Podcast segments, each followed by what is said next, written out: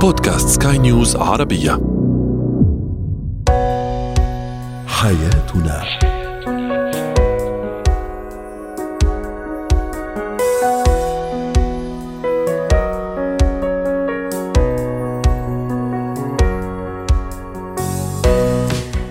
مستمعينا الكرام أهلا بكم معنا إلى حياتنا فضاؤكم اليومي الذي يعنى بشؤون الأسرة وباقي الشؤون الحياتيه الأخرى والذي يمكنكم الاستماع إليه عبر منصة Sky News Arabia dot com slash podcast وباقي منصات سكاي نيوز عربية الأخرى. شاركونا عبر رقم الواتساب 00971 معي أنا ابتسام العكريمي.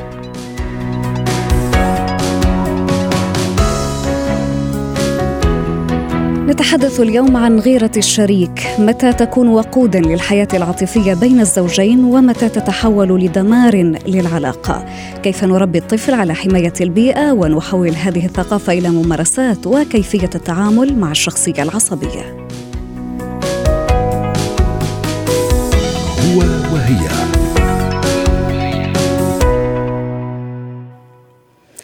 قد يأمل بعض الأزواج في أن يشعروا بأن الشريك غيور في بعض الأوقات أو في بعض الحالات. هذا واقع ولكن هناك البعض الآخر ممن تحولت غيرة الشريك معهم إلى سبب وجيه للنفور وللجفاء.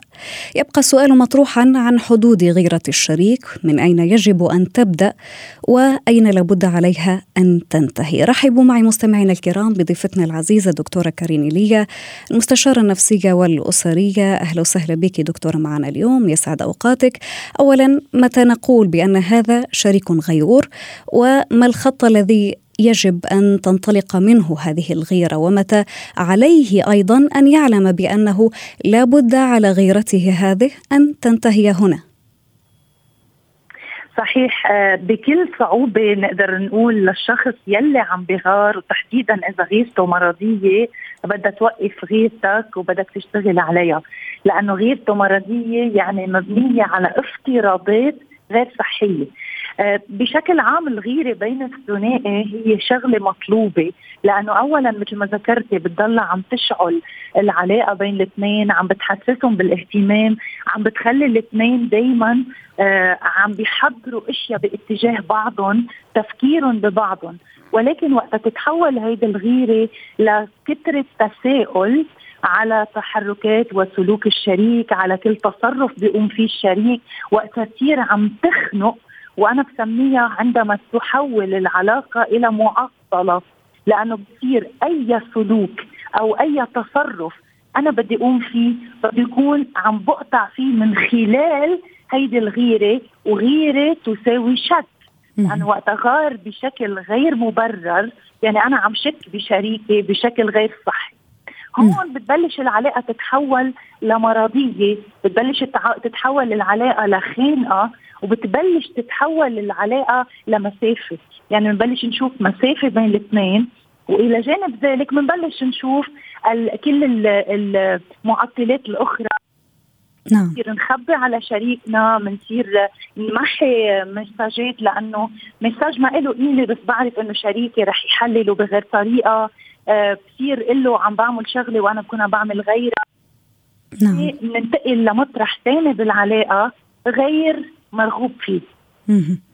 واضح. طيب متى تكون هذه الغيرة مطلوبة وكيف تساهم في إعادة الانجذاب العاطفي بين الزوجين دكتورة؟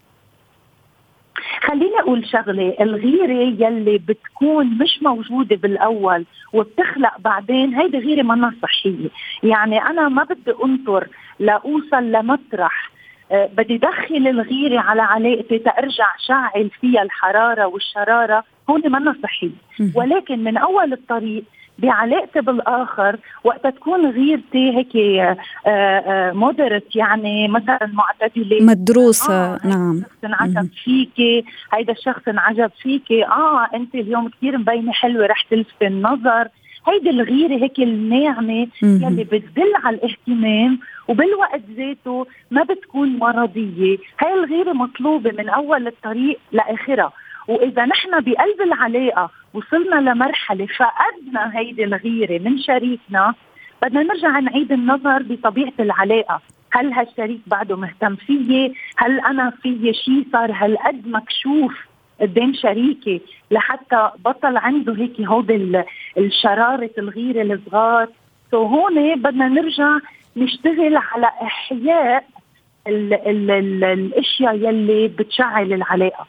بس ما فيني يكون بعلاقة ما فيها جنس الغيرة وبعد فترة قرر دخل عوامل غيره لأحيي العلاقة. واضح.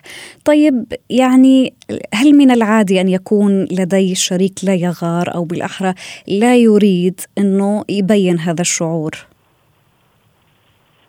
آه نعم في كثير مش بس هيك في كثير شركاء بيغاروا ولكن الإيجو تبعهم أو طبيعة مراكزهم أو شيء ما بتسمح لهم يعبروا فبيكونوا ديسكريت أكثر يعني بيكونوا عم بيغاروا بشكل صامت وهون غيرتهم بتكون بعدها بعدها ضمن إطار النورمال لأنه غيرتهم ما بتكون لا مرضية ولا شيء بيكون يعني بيخاف على خسارة شريكه إذا انعجب فيه شخص آخر أو إذا شريكه كان عم ينجح وعم يلفت النظر للآخرين وغيرها ولكن في نوع من الغيرة يلي ممكن يخلق بعد فترة معينة من العلاقة هيدي الغيرة خطرة لأنه ممكن تكون ناتجة عن سببين. يا إما الشريك اللي عم بغار بلش يطور عوارض مرضية معينة. يا إما أنا سلوكي بلش يتحول بشكل عم تصير التساؤلات حولي. وهون حكما العلاقة بخطر. واضح. دكتورة لدينا سؤال أيضا يقول ماذا لو تحول الشريك أو ماذا لو قابل غيرة الطرف المقابل بغيرة أخرى؟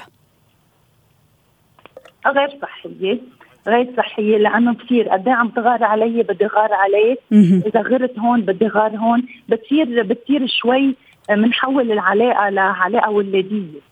آه مثل كأنه أنا بغار إذا بتحكي مع هذا الشخص أنا بدي الاقي قباله شخص امنعك عنه تكون عم بعمل توازن. هيدي نوع الغيرة غير صحية. أنا كثير مهم وقت بدي غار على شريك يكون عندي مبرر. يعني مثلا إذا أنا بدي أقول لك مثلا ما برتاح إنك تكوني على تواصل مع هيدا الشخص. أنا بقدر أقول ليش؟ هيدا الشخص لأنه كان حبيبك قبلي. آه مثلا بعرف إنه بعد عنده مشاعر تجاهي بخاف إنه عاطفيا تضعفي تجاهه. هي مبررة نوع الغيرة. ولكن وقت آخذ قرار إنه هيدا الشخص ما بدي تحكي معه ما عندي مبرر بس بغار منه. منا صحية. خصوصي إذا الشخص اللي عم تمنعيني عنه مهم بحياتي أو شخص بالنسبة لإلي ما بشكل أي خطر. سو أنا إدراكي من زاوية مختلف عن إدراكك من زاوية ثانية هيدي ما بتقدري تقنعيه فيها للشريك. وممكن تخلقي الكثير من هيك الحذر بين الثنائي. نعم. طيب الشريك يعني شديد الغيرة كيف أتعامل معه؟ وكيف أهدئ من روعه؟ كيف أنقل له أنني معك ونحن نبني مؤسسة اجتماعية عملاقة هي مؤسسة الزواج؟ كثير مهم وقت أكون أنا عندي سلوك صحي. وغير آه، يعني ما بيدعي لأي آه، شكوك أو تساؤل. ولكن شريكي عم بغار أنا كثير مهم ما أكون عم غير سلوكي. لأنه وقت بدي غير سلوكي تريح شريكي أنا بمطرح اعطيه تأكيد على إنه لو ما في شيء غلط ما بغيره.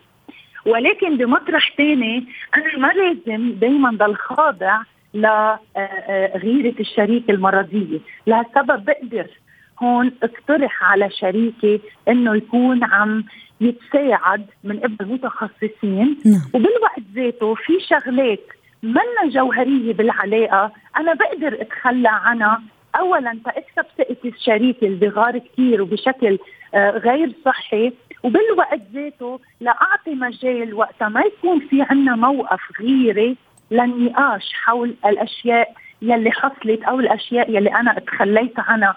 كرماله أو الأشياء يلي تمسكت فيها لأنه أنا مقتنع إنه ما لها علاقة بسبب موجب ولكن مربوطة بس بافكار براس شريكي اللي بغار كثير آه، المسيرة منا هينة مع الشخص يلي بغار كثير ولكن منا مستحيلة إذا بوقف استفزه ومش إنه إذا عنده قلق من مثلا اني طافيه تليفوني كثير كثر من المرات يلي بطفي تليفوني بس حتى أقهره. ومن دون ما يكون عندي سبب. هيدا شيء كثير غلط غير صحي. لأنه بيودي العلاقة لتطور مرضي أكبر. يعني الليونة دائما في التعامل مع الشريك الغيور دائما مطلوبة. شكرا لك دكتورة كارين ايليا المستشارة النفسية والأسرية ويعطيك ألف عافية. زينة الحياة.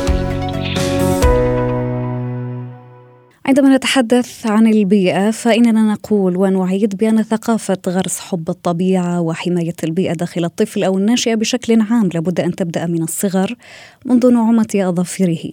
وبالتالي يكبر وتكبر معه تلك الثقافة ويوزعها على الأجيال القادمة وعلى محيطه الاجتماعي. معنا الآن ضيفتنا الدكتورة أماني دغلس أخصائية نفسية وتربوية. مساء الخير دكتورة يسعد أوقاتك. يعني الآن والعالم ما زال في أجواء كوب 27 كيف نزرع داخل أطفالنا فكرة الحفاظ على البيئة وكيف أجعل طفلي يعني يحب أن يعتني بالنباتات أو بالبيئة؟ آه، تحية لكم أهلا وسهلا فيكم. أهلا وسهلا. طبعا هذا الموضوع بالنسبة لنا إحنا التربويين موضوع كتير مهم وخصوصا آه بهالفترة اللي يعني في مسؤولية إحنا لازم نتركها كأجيال للأجيال اللي آه بدها آه تأتي على هالكوكب هذا في عنا كثير يعني نهتم إحنا كتربويين بموضوع البيئة وأثرها على الأطفال لأنه في كثير دراسات بتشير إنه الأطفال بهاي الفترة يعني هاي الأيام أكثر قلق وتشتت وأقل صحة من من الأجيال السابقة. طبعا هذا بسبب إنه هم بيتأثروا والبيئة كمان بتأثر فيهم. آه، كل ما كانت البيئة آه، نظيفة كل ما كانت البيئة سليمة كل ما كانت أكثر صحة كل ما انعكست الصحة على هدول الأطفال اللي إحنا مسؤولين عنهم. طبعا إحنا يعني لازم لازم يكون في عنا طبعا أنت بتعرفي إنه في كثير مؤسسات وخصوصا من مثلها من المؤسسات اللي تعنى بالطفل والمؤسسات التربوية. كثير بتشتغل على موضوع اللي هو عنا موضوع البيئة. ومن خلال إنه إحنا آه، نلفت نظر الأطفال لإنه إحنا ما نعيش بكوكب آه، ما آه، ما ما لنا دخل. منفصل عن البيئة والطبيعة، طيب دكتورة يعني اعذريني على المقاطعة ولكن دائما ما يقال أن الطفل مرآة للوالدين، هل لابد علي أنا كأم أو كأب أن أجعل طفلي يراني ويشاركني مثلا في إزالة البلاستيك من الحديقة وأنا أسقي النباتات والورود وأنا أزرع نباتات جديدة حتى ياخذ العبرة مثلا؟ آه طبعا. هلا أنت بتعرفي إنه إحنا الأطفال موجودين بسياق. الكونتكست السياق اللي موجودين فيه. هذا من ضمنه الأسرة اللي هم بتأثروا فيها وبتأثر فيهم. إذا أنا نشأت كطفل صغير لوالدين بيهتموا بكل ما يعنى بالبيئة والمحافظة على البيئة ونظافة البيئة بتعلم إنه وخصوصا إذا كان البدء بسن مبكره في السنوات الأولى من أعمار الأطفال إنه يعني يصير في تركيز لتقييم القيم القيم البيئية إحنا بنقولها بالتربية. يعني إنه يصير في عنده قيمة لتقدير البيئة. مثلا إذا أنا داخل البيت بحافظ على إنه ما بحط المشتريات لما بنيجي مع بعض بنروح نطلع على السوق بنحكي إنه إحنا ما بنحط بالبلاستيك لأنه إحنا بدنا نحافظ على البيئة والبيئة. ما بيصير إعادة تدوير لها وهي من المواد اللي بتضلها موجودة بتخرب عادة الأطفال بيسألوا. من دورنا إحنا كأهل أن نحكي عن هاي المواضيع. مثلا على سبيل المثال بيكون في عندنا حاويات مخصصة للعلب آه، الحديدية آه، للاكياس البلاستيك آه، الفرز عملية الفرز. يعني الطفل لما بيكون عماله بيشاهد الوالدين عم بيقوموا بهاي العملية هو عماله بتعلم قيمة المحافظة على البيئة. وخصوصا أنا ما بدي أحكي أنا ليش عم بعمل هيك. إيش الأسباب اللي عم بتخليني إني أنا عم بستخدم هاي الاستراتيجيات أو هاي الطرق داخل المنزل؟ يعني لابد من الشرح أني أشرح للطفل الصغير فائدة مثلا الحفاظ على البيئة فائدة الغطاء النباتي من النبتة الصغيرة أو الوردة إلى الشجرة الكبيرة بما يتناسب طبعا وقدرة هذا الطفل على الفهم وعلى الاستيعاب حتى يتمكن من إدراك لماذا نحن نقوم بهذا الفعل مثلا. طبعا هلأ الطفل أنا اعطيكي مثلا مثال. الأطفال لما بيستخدموا أقلام الرصاص يعني لما بتكون المعلمة واعية لدرجة إنها تحول آه، آه، الإهمال في بتعرفي الأطفال الصغار بيميلوا لاستخدام المبراة. فبيوقفوا بيبروا فهي لو تاخذ هاي القضية بدل ما تقول له لا ممنوع مثلا أنت تبري القلم هلأ اهتم بدروسك تيجي تقول له القلم هذا الخشب من وين اجى؟ يعني أنا بعود معاه إنه مين السبب في إحنا في إنه الألم هذا أنت بينك وبين إيد بإيدك وقاعد عمالك بتستخدمه. آه الألم اجى من من شجرة، شجرة عم تعطينا الخشب، إحنا لازم نحافظ على هاي الأدوات اللي عمالها آه بناخذها من هاي من هاي النباتات، حتى الورق لما بده يس... الطفل يستخدم الورقة للرسم للعب للكتابة. آه أنا أعلمه إعادة تدوير حتى على الورق لأنه الورق كمان جاي من النباتات. يعني يفترض إني أنا أشرح للطفل بحسب مدركاته العمرية أهمية المحافظة على الأشياء لأنه هاي الأشياء ما بتأتي من فراغ. في آه، كائنات حية في آه، مخلوقات في آه، حتى يعني على مستوى لما أنا بقول له إنه في روح في أنا بدي أحافظ لما أنا بدي أطلع ألاقي في نبتة موجودة بالحديقة أو بالمكان المحيط المدرسة اللي أنا موجود فيه أنا ما أتعامل معها بعنف لأنها هي كائن حي على الأرض. يعني لما نحكي بهذا الجانب بهاي القيمة الأطفال يعني بالنسبة لهم بتأثروا. يعني أقول انه هم في عندهم مشاعر في عندهم حاجات. حتى يعني معظم هلأ الأهالي بيربوا حيوانات أليفة. هالحيوانات الاليفه برضه هي كمان كائنات حية. يعني أنا لما بحكي معه بقول له إنه القطط آه، هي هي أرواح هي كائنات. هي بتحافظ لي على اصطياد الحشرات. آه، في في يعني لها دور. هذا الدور أساسي. آه، بصير يعرف قيمة الأشياء. يعني إحنا لازم نشتغل على القيمة على القيمة قيمة الشيء على القيمة وأيضا أنه نضع كافة الأمور أو المواضيع أو الأسئلة أو الإجابات التي سأعطيها أنا كأم أو كأب لطفلي أو ابني.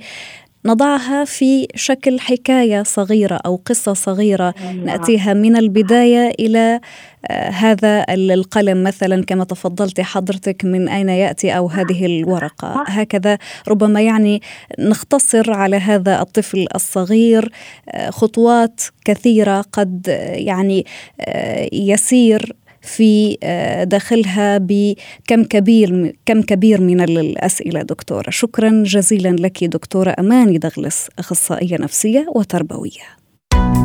مهارات الحياة. كيف نتعامل مع الشخصية العصبية في حياتنا اليومية؟ هذا هو سؤالنا التفاعلي ورحبوا معي مستمعينا الكرام بضيفتنا العزيزة أستاذة تانيا عوض غرة مدربة مهارات الحياة. يسعد يومك أستاذة تانيا. إذا هذا هو سؤالنا التفاعلي اللي طرحناه تعليقات كثيرة وصلتنا على منصات سكاي نيوز عربية. تعليق يقول لا أستطيع التعامل معها لأنها ترفض الحوار أي الشخصية العصبية. تعليق آخر يقول الهدوء دع الشخص العصبي يهدأ ثم تحدث إليه. أهلا وسهلا بك يا أستاذة تانيا معنا من هي الشخصية العصبية؟ وكيف أعرف أن هذا الشخص الذي أتعامل معه هو شخص عصبي؟ نعم أول شيء صباح الخير وسهلا الموضوع الحلو هو موضوع واسع. آه إنما الشخصية العصبية دغري يعني العصبية من السهل إنه أن نرى مثلا الانطوائية أو على غير انواع الشخصية. العصبي صوته أعلى من أصواتنا آه، يتكلم بسرعة لا يستطيع الإصغاء خاصة إذا كان بمرحلة العصبية يلي هو عم يمرق فيها. آه، يشعر أنه غير مفهوم ويشعر أنه على حق. آه، وأن وأنه لازم يعلي صوته أو يكون متطلب لحتى ينال يلي ما يريده والا ما راح ينال يلي بيريده. هذه الشخصية بتنمى آه، آه، من الطفولة. يعني آه، هيدي الشخصية إذا الأهل مثلا كانوا ما بيستمعوا لهيدا الإنسان أو كانوا أهل سلطويين كثير ولما كبر هيدا الشخص لقى إنه صار عنده سلطة بيقدر يطلب اللي بده إياه. فصار بيطلبوا بقوة. أو كانوا أهله عصبيين بتربيتهم له فبيتماهى مع تلك, تلك ذلك النوع من التصرف وبيتبناه وبيصير أسلوب حياة فإذا أول شيء أنا إذا عم بتعامل أو في أمامي شخص عصبي آه علي أن أن أن أخذ خطوة إلى الوراء وأن أرى الأمور وكأني خارج الشاشة لأنه كثير سهل إنه يستفزنا الإنسان العصبي. طبعا ما إنه حدا عم بيعيط أو حدا عم بيحكي عليه بفوقية أو حدا عم بيتطلب مني أمور منه شيء أنا كإنسان بحبه. طيب ف... كيف أتعامل معاه إذا ما كان يتصرف نعم. بتلك الطريقة؟ أول شيء بدي آخذ خطوة ل كي أرى الأمور من منظار المنظار الأبعد بخبرني يعني وعقلي ذكي بيلحقني دغري. آه اللي بيقول لي إنه هيدا الشخص هيدي جزء من شخصيته اللي اكتسبها لتجربه أنا ما إلي خاصة فيها ما خصني ما أنا لست مسؤولة عن تصرفه أنا اللي مسؤولة عنه هو إنه كيف بدي هالإنسان يتعامل معي وأنا كيف بدي أتعامل معه. هالقد مقاس مسؤوليتي. أنا لست آه، آه، معلمة أو مربية لن أغير في هذا الشخص. ولا أريد أن يغير بي هذا الشخص. لما بقنع لما بقول لحالي هالكلمات شوي شوي تصرفي رح يصير أذكى وأكثر وعيا. مثل ما قالوا بعض المستمعين البعض قال إذا عندي الخيار ما أتعامل كثير بيستفزني ما بتعامل معه. بس أحيانا الشخص العصبي هو بحياتي اليومية ما عندي خيار ما أتعامل معه. فكيف يمكنني أن أتعامل مع هذا الشخص؟ أول شيء بفرجيه إنه عم بسمع له لأنه اجمالا بنعلي صوتنا وبنكون عصبيين لأنه بنفكر إنه نحن ما عم نفهم. اللي كثير بيساعد هالأشخاص يهدوا شوي على القليله معنا هن لما بنعمل إعادة صياغه لما نعتقد أننا سمعناه. مثلا حكيني بطريقة كثير عصبية وصريخ عن موضوع ما. أنا بلقط الموضوع اللي بده إياه وبقول له إذا سمعتك مضبوط أنت قلت لي كذا وكذا وكذا قصدك كذا بهاللطافه وبهالهدوء شو بكون عم بعمل بكون عم. عم. عم فرجيه إنه أنا سمعت له وإني أنا فهمته وإذا شيء ما فهمته عم بقول له فسر لي إياه أكثر نعم وأيضا دائما يعني لابد من مراعاة كيفية آه، التعامل مع هذه الشخصية لما تكون آه، يعني في حالة آه، ثائرة أو لما تدخل في هذه العصبية. دكتورة طيب يعني ما الوقت المناسب للدخول مع الشخص العصبي في حوار أو في نقاش أو في تحقق من أمر ما مثلا؟ يبدو أن فقدنا الاتصال إذا مستمعينا الكرام كنا نتحدث عن آه، الشخصية العصبية كيف أتعامل مع هذه الشخصية في حياتنا اليومية؟ يعني هناك الكثير من الأشخاص الذين يكونون حولنا في محيطنا الاجتماعي في المحيط المهني أو حتى داخل العائلة الواحدة ويكونون يتسمون بهذه الشخصية. ولذلك لابد من مراعاة كيفية التعامل مع هذه الشخصية ولابد دائما من الهدوء والتخفيف من روع هذه الشخصية والهدوء والتفاهم دائما هما الرسالة التي لابد على الجميع أن يفهمها. ينقلها وأن يبثها بين كافة الأفراد. شكرا جزيلا لكم وشكرا أيضا الشكر موصول لضيفتنا العزيزة أستاذة تانيا عوض غرة مدربة مهارة الحياة.